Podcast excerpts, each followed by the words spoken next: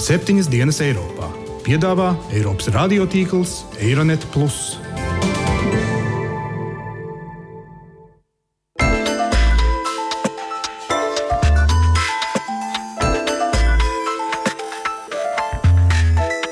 Šonadēļ septiņas dienas Eiropā dzirdēsim. The door remains open, and that's also a very clear message. Katrai valstī jāpiemērojas viņu vajadzībām un iespējām.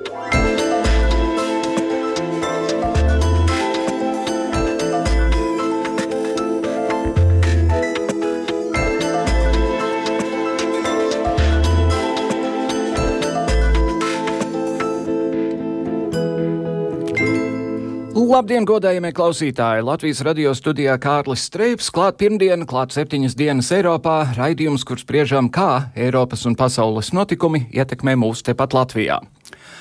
Mūziku ar politiku nevajag jaukt. Tā sestdienas naktī Vīnē visiem piekodināja Eirovīzijas vadītāja Alise Tumlere. Toties dziesmu konkursu balsošanas rezultātos šādi tādi politiski zemteksti tomēr bija pamanāmi. Armēnija Krievijas dziesmai piešķīra 12 punktus, bet Beļģijas dziesmai tikai 4. Krievijai augstāko rezultātu 12 punktus ar piebildi, protams, ka mūsu kaimiņam piešķīra arī Azerbaidžāna un Baltkrievija. Vēl vēlāk Krievu diktors paziņojot savas valsts vērtējumus, it kā pajokojot, teica, un 12 punktus piešķiram kām tad citām kā Krievijai. Tas, protams, būtu pret notiekumiem, nācās tomēr punktus piešķirt Itālijai. Itālijai. Toties politika darbojās arī pretējā virzienā, kad Krievija sākotnēji bija izvirzījusies vadībā, publika izsvilpa kārtējās kaimiņu valsts augsto punktu labvēlību lielajam kaimiņam. Un visdrīzāk pateicoties prezidentas Gribaus skaites stingrai nostājai, Lietuva Krievijas ciesmai nepiešķīra nevienu punktu. Ukraina, kā zināms, finansiālu apsvērumu dēļ šogad Eirovīzijas konkursā nepiedalījās, lai gan tas bija Ukrainas, kas piedalījās pārstāvot Moldovu.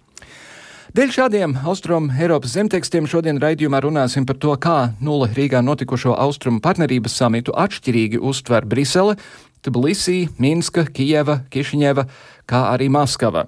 Toties vispirms uzklausīsim dažus viedokļus par to, kā Eiropas Savienība ir spērusi pirmos nopietnos soļus vidusjūras bēgļu krīzes mazināšanā, nolemjot uzsākt militārās operācijas pret bēgļu kontrabandistiem un to laivām.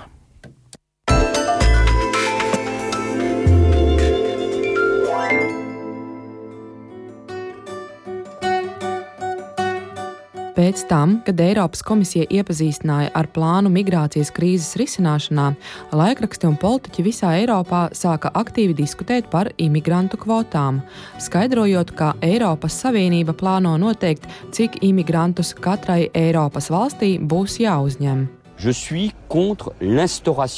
Esmu pret migrantu kvotu ieviešanu. Tas neatbilst Francijas ierosinājumiem. Tā sacīja Francijas premjerministrs Manuels Valls. Taču patiesībā vārds kvota komisijas dokumentos nemaz nesot minēts. Eiropas Savienība ir vien runājusi par patvēruma meklētājiem un bēgļiem, migrantu kategorijām, kurām ir nepieciešama startautiskā palīdzība, vērtē komisijas pirmais viceprezidents Frans Timermans. Mēs gribam radīt drošus un pilnīgi likumīgus kanālus tiem, kuriem ir nepieciešama aizsardzība, lai tiktu līdz Eiropai bez riska tikt izmantotiem, eksploatētiem un nonākt bēgļu kontrabandistu rokās. Eiropas Savienības dalību valstis ir piekritušas sākt militāru operāciju pret bēgļu kontrabandistiem. Tai būs vairākas daļas, un pirmās priekšdarbi jau sākās aizvadītajā nedēļā. Galīgajā operācijas fāzē vasaras vidū kara kuģi ieņems savas pozīcijas Lībijas ūdeņos un iznīcinās pārvadātāju laivas un degvielas tvertnes. Eiropas Savienības līderi skaidro, ka šādi viņi plāno iznīcināt kontrabandistu tīklus, taču plāna kritiķi bažījās, vai laivu iznīcināšana tomēr nav tikai iegansts, lai neļautu imigrantiem doties patvērumu meklējumos uz Eiropu. Kritiķi saka, ka jaunā politika varētu mudināt ignorēt starptautisko konvenciju par bēgļu nesūtīšanu atpakaļ uz zemi, kur viņi tiek vajāti, un imigranti būs spiesti palikt Lībijā vai citās valstīs, kur notiek karš un bērniem nākas bēgt no piespiedu kara klausības. Aptuveni nedēļu pēc kvotu sistēmas ierosināšanas vismaz desmit valstis jau ir paudušas savus iebildumus. Francijas premjerministrs Manuels Valls to nosaucis par morālu un ētisku kļūdu. Savukārt viņa Ungārijas kolēģis Viktors Orbāns sacīja, ka šis plāns balansē uz vājprāta robežas. Jó oka van Magyarországnak és az Európai Uniónak arra, hogy... Ungārija un Eiropas Savienībai ir ļoti daudz iemeslu, lai cīnītos ar ekonomisko migrāciju. Mana pārliecība ir, ka šis Eiropas komisijas ierosinājums, vienkārši runājot, ir absurds un balansē uz vājprāta robežas. Közel ahhoz, amit őrültségnek nevezhetünk. Eiropas komisija bažījās, ka plašā pretestība Eiropā varētu apdraudēt imigrantu drošību, arī pēc viņu ierašanās Eiropā. Tādēļ komisija ir ierosinājusi ieviest arī plānu B. Tā pārvietos patvērumu meklētājus jau Eiropas iekšienē, ja dalību valstī, kurā viņi ieradušies, viņiem tiks izteikti draudi dzīvībai. thank you Pievērsīsimies tagad austrumu partnerībai. Tā ir programma, kas izveidota 2009. gadā, lai sešas Eiropas pierobežas postpadomju valstis atsavinātu no Krievijas orbītas un pietuvinātu Eiropas Savienībai. Šogad, pateicoties Kremļa pēdējā laika uzstājīgākai ārpolitikai Austrum Eiropas telpā, partnerības deklarācija apliecināja tik vien to, cik patiesībā atšķirīgas ir šīs sešas valstis. Kopš partnerības uzsākšanas Azerbaidžānai ir jau pārgājusi kāre uz integrāciju Eiropā, bet Baltkrievija un Armēnija ir iekļāvušās Putina izlolotajā Eirāzijas Savienības projektā. Sarunas par deklarācijas gala tekstu bija ar ļoti lielām domstarpībām, jo Baltkrievija un Armēnija nevēlējās parakstīties, ja tiek nosodīta Krievijas Krimas aneksija. Un no otras puses, dažas Eiropas valstis baidījās piesolīt brīvāku vīzu režīmu Gruzijai un Ukrainai. Noslēdzoties Rīgas samitam, Eiropas līderi varēja Ukrainai tikai piesolīt 1,8 miljārdus eiro, lai turpinātu reformas, kā arī sniegt nenoteiktas izredzes bezvīzu režīmu iegūšanai Ukrainai un Gruzijai. Pēc samita kāds Briseles ierēdnis atzina, ka partnerības galvenā problēma esot tā, ka Eiropa pieprasa milzīgas nopietnas reformas, maz ko solot pretī, kamēr Krievija piedāvā skaidru naudu uzreiz pretī gaidot tikai ārpolitisko atbalstu. Vairāk par to, kā atšķiras austrumu partnerības mērķi pirms un pēc Maidāna un vai ir pamatoti pārmetumi, ka Eiropai trūkst vizijas austrumu virzienā, mana kolēģe Jāņa Kropa Sižetā.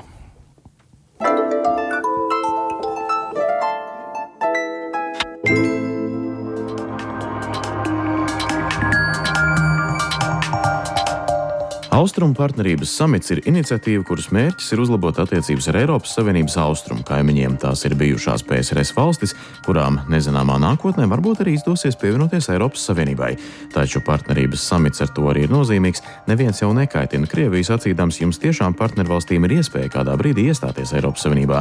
Tā vietā diplomāti un politiķi ļoti uzmanīgi seko līdzi terminiem, lai tādā veidā iztulkotu, kādu ziņu kaimiņu valstīm cenšas nodot Eiropa. Pirms Rīgas samita izskanēja pieņēmums, ka tajā neko diži lielu arī nesasniegs. Ukraina un Maidans ir darījuši savu. Esošajā ģeopolitiskajā situācijā Eiropieši vienkārši nekaitinās Krieviju ar skaļiem saukļiem, tāpēc loģisks šķita secinājums - neko dižu Rīgas samitā tā arī nesasniegs.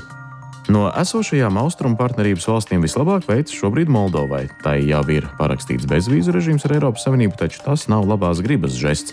Moldova arī ir ieviesusi visvairāk Eiropas Savienības direktīvām atbilstošas izmaiņas likumdošanā.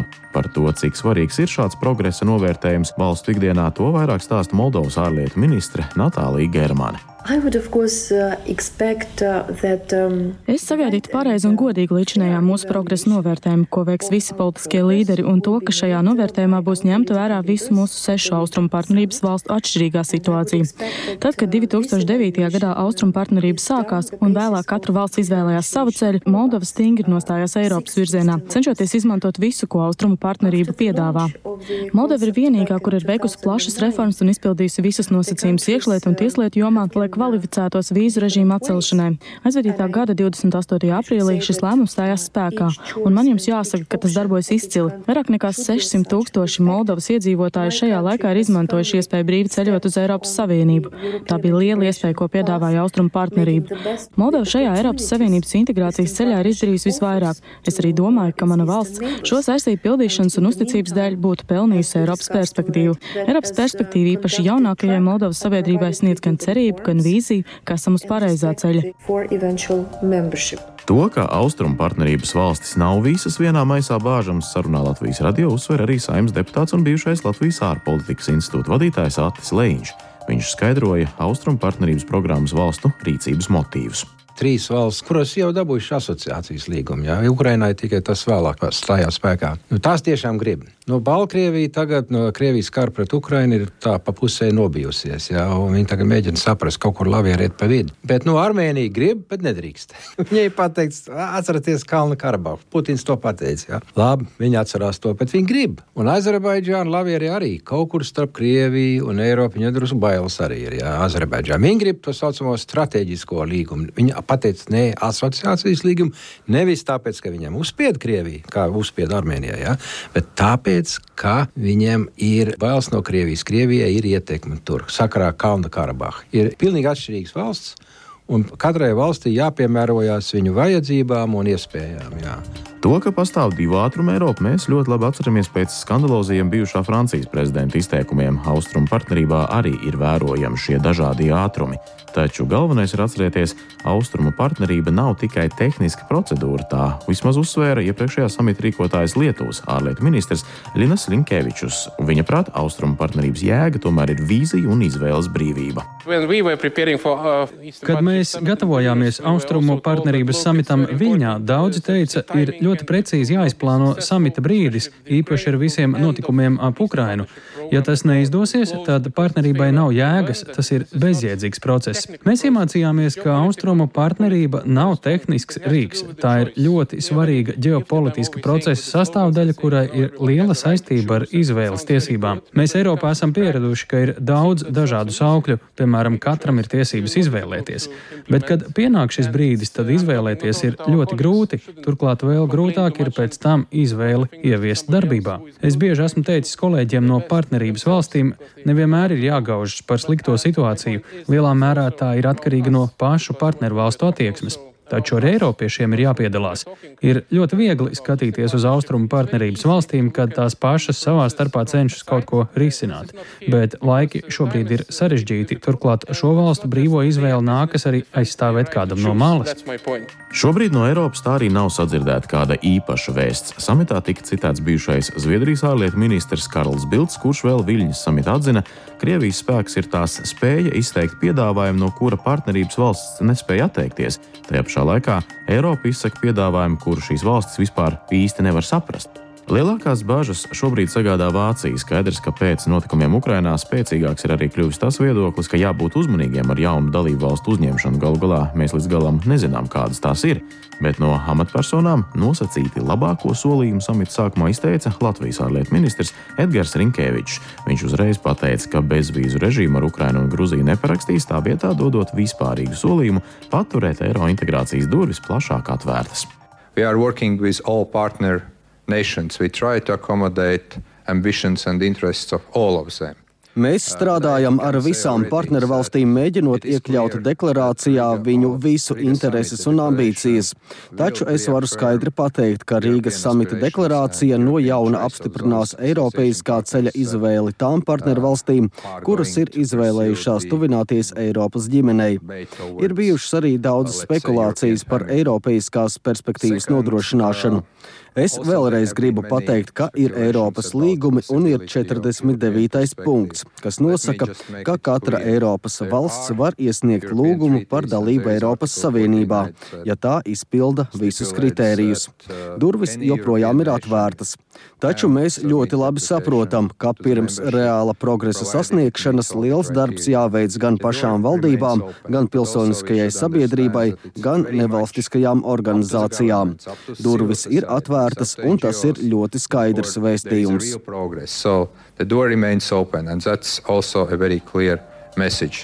Šobrīd, kad Austrumu partnerības samits ir beidzies, aizvien biežāk lasāms un dzirdams viedoklis, ka tas bija pārējais samits. Nākamais būs pēc diviem gadiem, un Eiropas Savienības augstā pārstāvja ārlietās un drošības jautājumos Federika Mogherini šobrīd ir pat šo procesu raksturojusi tā. Rīgas samits iedeva darba kārtību nākamajam posmam, kas nav īpaši redzams plašākai sabiedrībai, taču tas ir ļoti svarīgs, lai jau pēc diviem gadiem varētu runāt augstākās kategorijās. Savukārt bijušais Lielbritānijas vēstnieks Rīgā, tagadējais Eiropas reformu centrā ar politikas direktors Iens Bons, raidījumam de facto atzina, vispirms Eiropas Savienībai ir jādefinē, kam austrumu partnerība ir paredzēta. Pašlaik tā nav nekas. Tā nenoved pie dalības, bet arī nenoved pie partnerības bez dalības. Tātad Eiropas Savienībai ir jāuzlabo savu komunikāciju. Ir daudz pārpratumu austrumu partneru valstīs un pašā Savienībā. Šobrīd Eiropai ir jāpieņem savs iekšējais lēmums, ko tad tā vēlas darīt ar valstīm, kuras kādā pārskatāmā nākotnē vēlētos pievienoties. Skaidrs, ka tie laiki ir pagājuši, kad Eiropas Savienībā varēja iestāties valstis, kurām nebija īpaši liela atšķirība izprast Eiropas vērtības un kurām nebija problēma pārņemt Savienības noteikumus. Teiksim tā, jo vairāk uz austrumiem virzās partnerība, jo vairāk nākas diskutēt par šo valstu sabiedrības pieredzināšanu, ko tad īsti nozīmē būt patiesam Eiropietim.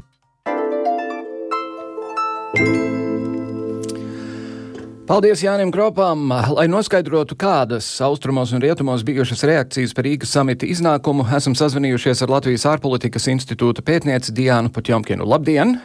Labdien! Nu, sāksim ar to, vai jūs piekrītat eh, Sižetā paustajam, ko jūs nu pat dzirdējāt, ka šis bija tāds pārējas samits, kurā patiesībā nekas milzīgs nenotika. Uh, ziniet, jā un nē. Es piekrītu pilnīgi noteikti, ka tas ir bijis pārējais samits. Uh, bet es domāju, ka mēs uh, nenovērtējam to nozīmi, uh, jo šobrīd notiek tāda nopietna pārskatīšana kaimiņu attiecību politikai kopumā un austrumu partnerībai. Un tieši šajā samitā mēs vienojamies par ļoti būtiskām lietām, kas varbūt neizskatās tik būtiski, bet tas īstenībā ir par to principu, uh, kā pret katru no sešiem partneriem mēs izturamies atsevišķi, par principu, ka mūsu tāpat laikā kā, progress attiecībās ir atkarīgs no abu pušu vēlmēm, kas, kas principā ir tāda tā netieša atjauja vai pieņēmums, ka nākotnē dalība Eiropas Savienībā šīm valstīm ir iespējama. Uh, ka mēs lielāku uzmanību vienojāmies pievērst drošībai, jā, un ka mēs taisāmies slēgt līgumus arī ar Armēniju un potenciāli Azerbaidžānu un Baltkrieviju nākotnē. Tā kā nevis asociācijas nolīgumus, bet citu veidu līgumus. Tā, nu, principā tas ir ļoti nopietns progress, jo pirms dažiem gadiem kaut kas tāds nebūtu runāts, nebūtu īsti iespējams. Nu, ja. Bet tajā pašā laikā, teiksim, cik lielā mērā jūsuprāt tas, ka Baltkrievija un Armēnija ir iestājušās tā dēvētajā Eirāzijas Savienībā, būtībā nozīmē, ka viņas nevar vairs īsti piedalīties Eiropas procesos? Um, Viņas īsti varbūt nevar slēgt asociācijas nolīgumus ar Eiropas Savienību, bet citādi šīs valstis nemaz nav Eiropas Savienībai zaudēts. Šīs valstis pašas ir ļoti entuziastiskas pār sadarbību ar Eiropas Savienību, gan Armēniju, gan Baltkrieviju, jo viņas arī ļoti labi saprot, ka viņu vieta Eirāzijas Savienībā īstenībā ir visnotiek pakārtota ja, jo Eirāzijas ekonomiskā savienība galvenokārt darbojas Krievijas interesēs, nevis šo valstu interesēs obligāti. Ja. Un tas, ka teiksim, ar Armēniju ir plānots slēgt jaunu līgumu, ja, kas nebūtu asociācijas līgums ar brīvo, brīvās tirdzniecības zonu, bet alternatīvs līgums, tad uh, tas ir visnotaļ interesanti gan Eiropas Savienībai, gan pašai Armēnijai. Bet tur tādā gadījumā runa ir par uzņēmējdarbības interesēm. Protams, jebkurai valstī ir interesanti tirgoties ar Eiropas Savienību, kas ir, ir liels, liels, liels tirgus. Bet cik lielā mērā Eiropas Savienība var pievērt tādā gadījumā acis uz to, ka, ka šīs valstis ir diezgan korumpētas un, un diktatoriskas, un ka, piemēram, Baltkrievijai joprojām ir politiski cietumnieki? Tas, protams, ir jau cits jautājums, jo problēmas ar demokrātiju ir gan Baltkrievijā, gan Armēnijā, gan Azerbaidžānā. Un acis uz to pilnīgi noteikti nav jāpievērš. Šeit drīzāk ir um, jautājums arī, vai uh, tādēļ, ka šīm valstīm ir problēmas ar demokrātiju, mēs atsakāmies sadarboties pilnīgi ar visiem šo valstu pārstāvjiem, tā skaitā ar uzņēmējiem, tā skaitā ar pilsonisko sabiedrību. Uh, Jā, jo, nu, ja mēs pieņemsim, ka Eiropas Savienība vienkārši sārauj šos kontaktus, tad šīs valstis kaut kādā līmenī eksistēt varēs. Jā, arī bez Eiropas Savienības. Uh, pasliktināsies dzīves līmenis, iedzīvotāju viedoklis par Eiropas Savienību pasliktināsies arī vēl tālāk. Jā, un nu, līdz ar to Eiropas Savienība vienkārši mēģina uzturēt kaut kādu veidu kontaktus, jā, gan uh, tā teikt, gan uh, Pumpernikela, gan Pātagu, ja, gan piedāvāt kaut kādus bonus, gan arī tāpat laikā, protams, atgādināt par demokrātijas stāvokli. Ja. Un šeit drīzāk ir uh, tāda pieeja, ka mēs reformas mēģinām veicināt tā teikt pa kluso sadarbojoties tajās jomās, kurās tas ir iespējams. Bet pilnīgi noteikti mums, mēs nedrīkstam aizmirst par to, ka uh, palīdzības sniegšana ir jākontrolē, situācija šajās valstīs ir jāmonitorē. Jā, tā kā, nu, mēs nedrīkstam neprincipiāli sadarboties uzņēmēju interesēs. Tīri. Kurā brīdī jūs aizvietojāt burkānu ar pumperniķeli? Interesanti. Parasti saka burkāns un pātaga. tas, nav, tas nav būtiski. Jā, okay. kā, kā jūs uztverat Krievijas lomu visā šajā lietā? Jo otra lieta, kas ir izskanējusi attiecībā uz samitu, ir, ka tur kļuva diezgan skaidrs, ka Rietuma Eiropa īsti nezina, ko ar Krieviju iesākt. Jo ir Ukrainas situācija, ir draudi, ir, ir viss pārējais. Uh, jā, Krievijas situācija, Krievijas stāvoklis, protams, joprojām paliek tāds nenorgulēts. Un, ja mēs skatāmies to samita deklarāciju, tad tur joprojām tiek atbalstīts trīspusējās sarunas ar Ukrainu par uh, tirdzniecības uh, līguma ieviešanu, ja respektīvi Ukraina, Krievija un Eiropas Savienība. Lai gan principā tam būtu jābūt tīri divpusējiem ES un Ukrainas jautājumam. Jā, un, protams, ka Eiropas Savienībā uh, bija salīdzinoši lielāka vienotība par Krieviju tajā brīdī, kad um, teiksim, konflikts tik, tikko uh, eskalējās. Jā, bet šobrīd atkal parādās jautājumi, vai nevajadzētu sankcijas iespējams uh, kā, daļēji vai pilnīgi noņemt Krieviju un tā tālāk. Tā kā, nu, Krievija, protams, ļoti agresīvi turpina savu spiedienu, jā, jo Krievija Eiropas uh, austrumu partnerība nav pieņemama. Um, Uh, vienkārši kā parādība. Jā, tā kā nekādā veidā mēs nedrīkstam lolot ilūzijas, ka mēs tagad kaut ko austrumu partnerībā palabosim un tā pēkšņi kļūs Krievija pieņemama un vēlama. Ja tā nebūs, tā kā nu, Eiropas Savienība ir jādara tas mājas darbs un uh, jānoskaidro, jāizstrādā vienot pozīciju pret Krieviju. Mm -hmm. Vai jūsuprāt, zināmā mērā Eiropas Savienība ir sākusi drusku nogurt pat no pēdējā paplašināšanas raunda. Un to es jautāju, tāpēc, ka es neesmu redzējis, ka Rīgā te būtu kāds īpaši tam piesaistījis uzmanību, bet uh, ieraugot Ungārijas premjerministru Orbānu uh, samita laikā, Džons Klods Junkers, Eiropas komisijas prezidents, teica: Čau, diktatori! Un tas, tas, no, tas bija tā daļa no lielas, lielas un lielākas kritikas par to, ko īsti Orbāna valdība dara. Jā, nu, Ungārija, protams, ir ļoti sāpīgs jautājums Eiropas Savienībai. Es nezinu, šajā gadījumā vai Junkers nebija daļēji jokojis. Nu, viņam bija smaids uz sejas, bet tomēr. Jā, saucot viņu par diktatoru, jā, protams, visi apzinās, ka ir problēmas ar Ungāriju, bet lēšā problēmas ir arī ar tā saucamajām vecajām dalību valstīm. Jā, un, teiksim, tāpat Grieķija, kas bija iestājusies jau mm. stipri iepriekš. Un es domāju, ka Eiropas Savienībā nemaz nav pagurums, jo, ja mēs paskatāmies tā Tāpat Polija ir uh, viena no lielākajām Vācijas sabiedrotajām. Ja? Baltijas valstīs ir strauja ekonomiskā izaugsme. Baltijas valstis ļoti stingri atbalsta vienoto eirozonu. Ja? Tikai es domāju, ka mūsu arī Latvijas prezidentūra pierādījis, ka mēs esam. Uh, tiešām vienlīdzīgi partneri, ja mēs varam strādāt visa bloka interesēs. Es domāju, tas, kas ir bijis, tas ir bijis. Uh, pa desmit gadiem ar pēdējo paplašināšanos, ja tā kā ielo visi ir apraduši. Uh, Eiropas Savienība ir zināms pagurums pār pašu austrumu partnerību. Ja? Nevis visām valstīm Eiropas Savienībai. Ja? Institūcijas komisija, pār parlaments, jā, protams, joprojām ļoti to atbalsta. Ja? Un tāpat ir vairāk centrālās austruma Eiropas valstis, Vācija, Lielbritānija, kas vairāk iestājās par austrumu partnerību kā iniciatīvu. Ja nu kaut kādām dienvidu bloka valstīm tā ir mazāk interesanti. Ja? Bet, nu, Uh, es domāju, ka šeit nebūtu īpaši jābaidās no um, tāda pilnīga paguruma, un turklāt Ukraiņas krīze tam visam piedeva vēl tā lielāku tādu asumu un aktualitāti. Ja. Kā jūs saskatāt vispār austrumu partnerības nākotni? Vai jūs paredzat dienu, kad, teiksim, Ukraina būs Eiropas Savienības dalība valsts? Uh, es domāju, ka tas pilnīgi noteikti ir iespējams. Un, par Baltijas valstīm ilgu laiku neviens ne, nevarēja noticēt jā, par mums, mm -hmm. ka mēs varētu būt Eiropas Savienības un NATO dalībvalsts, ja mēs to izdarījām. Par Ukrainu es domāju, ka tagad. Uh, Eiropas Savienībā ir um, gandrīz puse valstu, jā, kas ļoti labi saprot, kas tajā reģionā notiek, jā, un kas um, pilnīgi noteikti to atbalsta. Un nerunājot par to, ka arī vecās dalību valstis jā, turās pie saviem principiem un uh, uzskata, ka tiem, kas dara vairāk, jā, tie arī saņem vairāk. Tas ir tas fundamentālais austrumu partnerības princips. Nu, šobrīd drīzāk ir jautājums, kā mēs ļoti praktiski varam taustām šīs valstis atbalstīt ceļu uz reformām, kā šīs valstis pašas spēja turēties pretī nevēlamam ārējiem spiedieniem, ja, kaut kādiem iekšējiem spiedieniem un uh, īstenot šīs reformas, ja, un kā mēs varam uh, iedzīvotājiem, izskaidrot, ka šīs reformas ir viņu interesēs un panākt, ka šīs reformas tik tiešām tiek ieviestas viņu interesēs. Lielas paldies par sarunu Latvijas ārpolitikas institūta pētniece Diana Patjomkina. Paldies jums! Mm, paldies jums! Jā.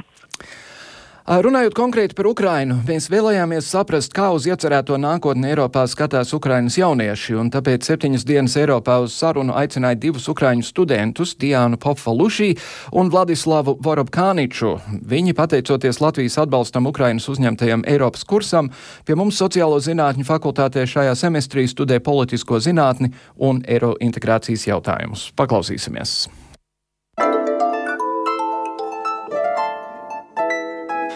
Kā labi jūs esat Rīgā? Vai esat atbraukuši saistībā ar Austrumu partnerības samitu? Yes no. Like Jā un nē. Mēs esam šeit uh, divpusējas sadarbības programmas sastāvā starp Ukrainas un Latvijas ārlietu ministrijām, kā arī palīdzam gatavoties Austrumu partnerības samitam. Yes, yes. Uh, first of all, I would like to thank and appreciate all Latvian and Latvian sides that. Uh, Jā, pirmkārt, es vēlētos pateikties Latvijai par šīs programmas ieviešanu. Pat labam Ukrainai un Ukraiņu studentiem ir ļoti nepieciešams veidot sadarbību ar Latviju un citām valstīm un mācīt jaunāko paudzi, jo mūsdienās viena no mūsu prioritātēm ir veidot labvēlīgu nākotni Austrum Eiropā. Jūs esat abi no Ļuvovas. Iespējams, ka daļa mūsu klausītāji nezina, vai Ļuvova atrodas tuvu kardarbībai, vai arī esat drošībā tālu no kara draudiem? Esam drošībā. Ļuvova atrodas Ukrainas rietumos ļoti tuvu Polijas robežai. Ļuvovu mēdz neoficiāli pat dēvēt par Ukrainas kultūras galvaspilsētu. Jā, tā ir krietni eiropeiskāka, ja tā var teikt. Skaidrs. Bet esot Ukrainas rietumos, Vai jums ir draugi vai radinieki, kas vairāk atbalsta Krieviju, nevis Ukrainu? Protams, ka ir šādas paziņas. Cilvēki ir ļoti atšķirīgi un ir arī tādi ar ciešu saikni ar Krieviju vai kam ir radinieki, kas tur strādā. Ir arī tādi, kuri nespēja izprast mūsu situāciju, jo viņiem ir saites ar Krieviju, un šis ir viens no šķēršļiem kopējai izpratnei. Bet ar katru brīdi Krievijas agresija turpinās, un aizvien vairāk cilvēku saprot. Pēc statistikas spriežot pēdējā gada laikā, visā Ukrainā attieksme pret Putinu ir pasliktinājusies. During one year, the the relation of Ukrainian to the Mr. Putin change worst ways, worst, so. worst ways in many worst ways. Yes. That, uh, es arī redzu pieaugam tendenci, ka arvien lielāka daļa manu prokrievisko draugu ir mainījuši savu attieksmi uz labi, mēs saprotam, ka Krievija nerīkojas godīgi, tādēļ atbalstīsim Ukrainu. Ja jums abiem būtu iespēja samitā uzrunāt Angelu Merkeli vai kādu citu tādu līmeņu cilvēku, ko jūs viņiem teiktu? Kas, jūsuprāt, Ukrainai šobrīd ir vajadzīgs visvairāk? First of all, and most of all, we need to clearly understand that in Ukraine we have the war, not and terrorist operation, not the frozen conflict. Pirmkārt, visiem ir jāsaprot, ka Ukrainā šobrīd ir karš, nevis antiterorisma operācija vai iesaldēts konflikts. Šī ir viena no realitātēm, kas Eiropā ir jāizprot. Ir arī ļoti sarežģīti strādāt pie jaunām reformām un ieviest svaigas idejas, ja visa Ukrainas uzmanība ir vērsta uz austrumiem. Katru dienu miljoniem ukrāņu mostas pie jaunām ziņām par kara darbību un ir ļoti grūti koncentrēties. Toties mums visiem ir jāturpina pēc Maidana veidot jauno Ukrainu what we call New Ukraine after the Euromaidan I would say that we need also this clear vision of our European perspective. Es teiktu, ka mums ir nepieciešams sniegt skaidru Eiropas perspektīvu, jo Ukraiņu acīs Eiropa nav ne konfederācija, ne organizācija, bet daļa no mūsu pasaules redzējuma. Kritiķi uzskata, ka neveiksme austrumu partnerības politikas veidošanā būs neveiksme Ukrainas demokratizācijā. Tāpēc mūsu pilsoņiem ir jāredz, ka Eiropa atbalsta Ukrainu un ka mēs varēsim kļūt par dalību valsti valsti pēc 10, 15, pat 20 gadiem. Nav svarīgi. Mums vajag uz papīra ar drukātiem burtiem redzēt faktu, kā varēsim būt dalību valsts. But we have to see it on paper written down, so yes, we can become a member. We understand the Europe is uh, different. Threats, but... Mēs saprotam, ka Eiropas Savienība ir citāda, pakļauta citiem draudiem un ar citu izpratni, bet noskaņa var mainīties gan politiskajās aprindās un Eiropas sabiedrībā. Ukrainas delegācija pieminēja, ka diemžēl ne visās Eiropas valstīs saprot situāciju un nav arī vienotas nostājas, ka pastāv draudz mūsu kopējām eiropeiskām vērtībām. We have a common threat to our European values. Mēs nevaram novērst informācijas karu, kādu šobrīd piedzīvojam Ukrainā, jo tas ir kaut kas pilnībā jauns un neredzēts. Mums ir jāsaprot, ka cilvēki Donbasā atbalsta kaujiniekus tādēļ, ka ziņās dominē Krievijas mēdīji, un sniegtā informācija ir atšķirīga no Ukrainas un Eiropas medijiem. Mēs apzināmies, ka cilvēki nepilnībā izprot, kam viņi piekrīt un kas ir lielāks lielāks ļaunums. Šajā kontekstā es domāju, ka liela daļa eiropiešu teiktu, jā, Krievija nodarbojas ar šausmīgu propagandu, bet ar to pašu nodarbojas arī Ukraina. Many uh, people suggest and to believe that kontrapropaganda is a bad idea. Daudzi cilvēki uzskata, ka pretpropaganda nav labākais veids, jo patiesība ir mūsu galvenais rīks. Patiesība atvērs cilvēkiem acis, varbūt ne tagad, bet vēlāk, jo propaganda nav ilglaicīgs risinājums. Tas ir īstermiņa risinājums.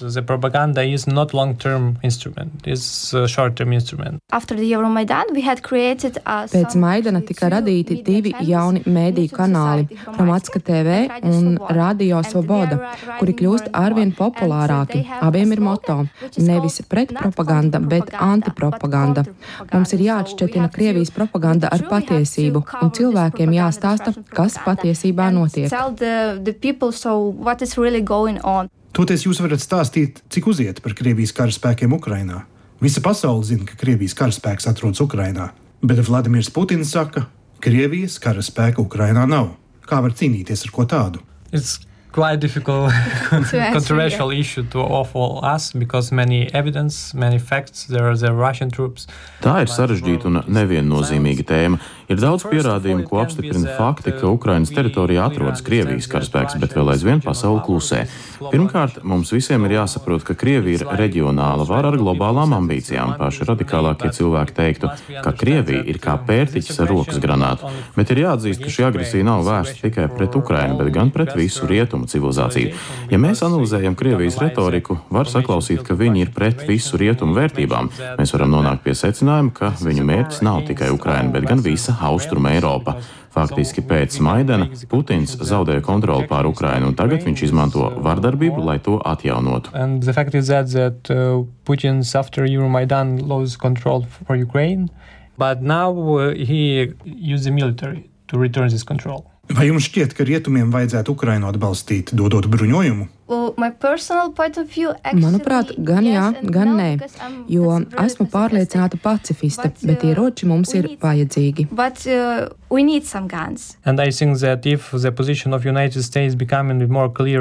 Man šķiet, ja ASV pozīcija jautājumā par Ukrainas krīzi būtu skaidrāka, tad tas radikāli izmainītu situāciju. Es pieminu ASV tādēļ, ka zināms 75% tehniskā bruņojuma NATO sniedz Amerikas Savienotās valstis. Fakts ir tāds, ka Ukraina ir izveidojusi savu armiju no nulles pēc Maidana, mēs sapratām, ka Janukovičs sistemātiski bija iznīcinājis mūsu bruņotos spēkus un aizsardzības ministrs bija Krievu aģents.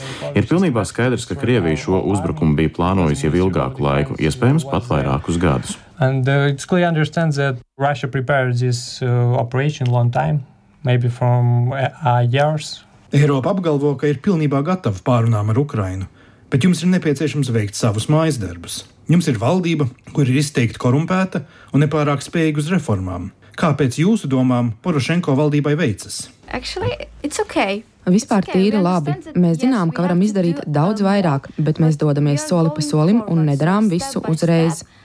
Esam sākuši deoligarhizācijas procesu, bet būs vajadzīgi vēl vairāki gadi, lai visu pabeigtu. Diemžēl liela daļa sabiedrības to nesaprot.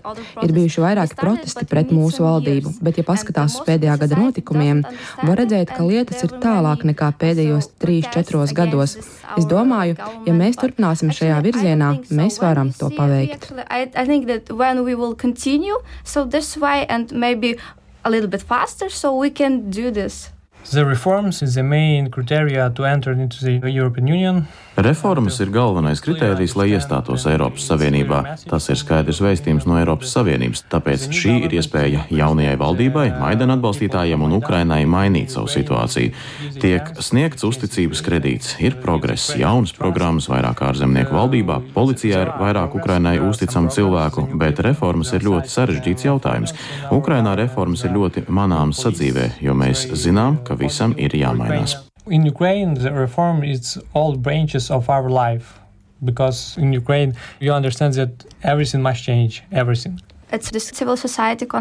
Pilsoniskās sabiedrības konferencē tika minēts, ka, lai būtu efektīva valdība, ir nepieciešams amatos likt arī cilvēkus no pilsoniskās sabiedrības. Mēs esam šo sākuši darīt, un tas ir izrādījies ļoti efektīvi do some progress. Another fact that the oligarchs is also our huge problem. Vēl ir jāpiemina fakts, ka oligarhi ir milzīga problēma Ukrainā. Oligarhi turpina dominēt biznesā, un pēdējie gadījumi liecina, ka lielākā daļa politiskās elites ir saistīta ar oligarhiem. Pastāv doma šīs saites likvidēt, bet ir nepieciešams ļoti komplekss metodas, jaunas institūcijas, kā piemēram pretkorupcijas birojas, lai to paveiktu. And uh, also we need complex methods with supported of society, the supported of uh, new people in parliament, and supported with uh, new created uh, institutions such as anti-corruption bureau and so forth. Viens no šīs studiju programmas mērķiem ir iegūt zināšanas šeit, Latvijā, lai vēlāk turpinātu Ukrainā. Mēs šeit esam 15 studenti. Mēs studējam startautiskās attiecības, un mums pastāv cerība nākotnē būt valdības sastāvā. Mēs iegūstam pieredzi un zināšanas, ko tālāk izmantosim Ukrainā. Tātad ne nākamajās, bet aiznākamajās parlamenta vēlēšanās mēs jūs abus redzēsim kā kandidātus. Mēs tā ceram. Varbūt. Skaidrs. Tas noteikti ir ļoti nomācoši. Jūs abi esat jauni, ar skaidru redzējumu, kas jādara un kā visam būtu jābūt. Bet pie varas ir šie vecie vīri, kas nemāķi neko izdarīt. Yes, so Jā, viss ir atkarīgs no mums, kā mēs spēsim izmainīt situāciju, jo problēma ir tajā, ka ne tikai valstis rada karus, bet kari rada valstis. Šobrīd karš veido mūsu valsti, pastāv evolucionārā un revolucionārā pieeja, un mūsu jaunā valsts ir tapusi revolūcijā. So we, through the revolutionary methods, makes our new state. Tad viss, ko var darīt, ir novēlēt jums veiksmi un sirsnīgi pateikties par interviju. Thank, you. Lūk, Diana Pafaluši un Vladislavs Vorovkāničs, divi studenti no Ļivas, Ļivivas, uh, Ukrainā. Mūsdienās jau, protams, ļoti bieži jaunieši mēdz būt diezgan atsvešināti no tādām jomām kā politika un viss pārējais, bet kā mēs nu pat dzirdējām šajā intervijā, šie divi jaunieši ir optimistiski par to, kas notiek viņu valstī. Viņiem ir ļoti lielas cerības un viņiem ir drasciņas attiecībā uz to, kas ir iespējams Ukrainā. Un līdz ar to es gribu teikt, ka neskatoties uz visām lielām politikas lietām un visiem lieliem politiskajiem jautājumiem, Ukrainas tauta Moldovas tauta, Baltkrievijas tauta, Armēnijas tauta, Azerbaidžānas tauta ir pelnījušas visas Eiropas un visas pasaules atbalstu. Paldies, dāmas un kungi, ka šonadēļ klausījāties. Nākamnedēļ droši vien runāsim par to, vai tik tiešām Lielbritānijai izdosies izspiest kaut kādus lielus labumus no Eiropas Savienības, lai izvairītos no izstāšanās. Mans vārds ir Kārlis Streips. Līdz nākamnedēļai visu labu!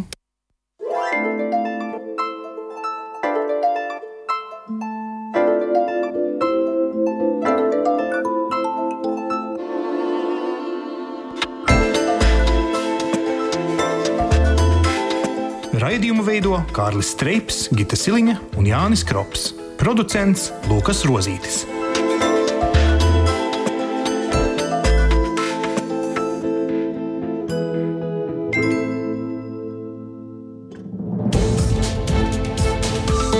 Visus Eironet plus sižetus un raidījumus meklējiet Latvijas radio mājaslapā.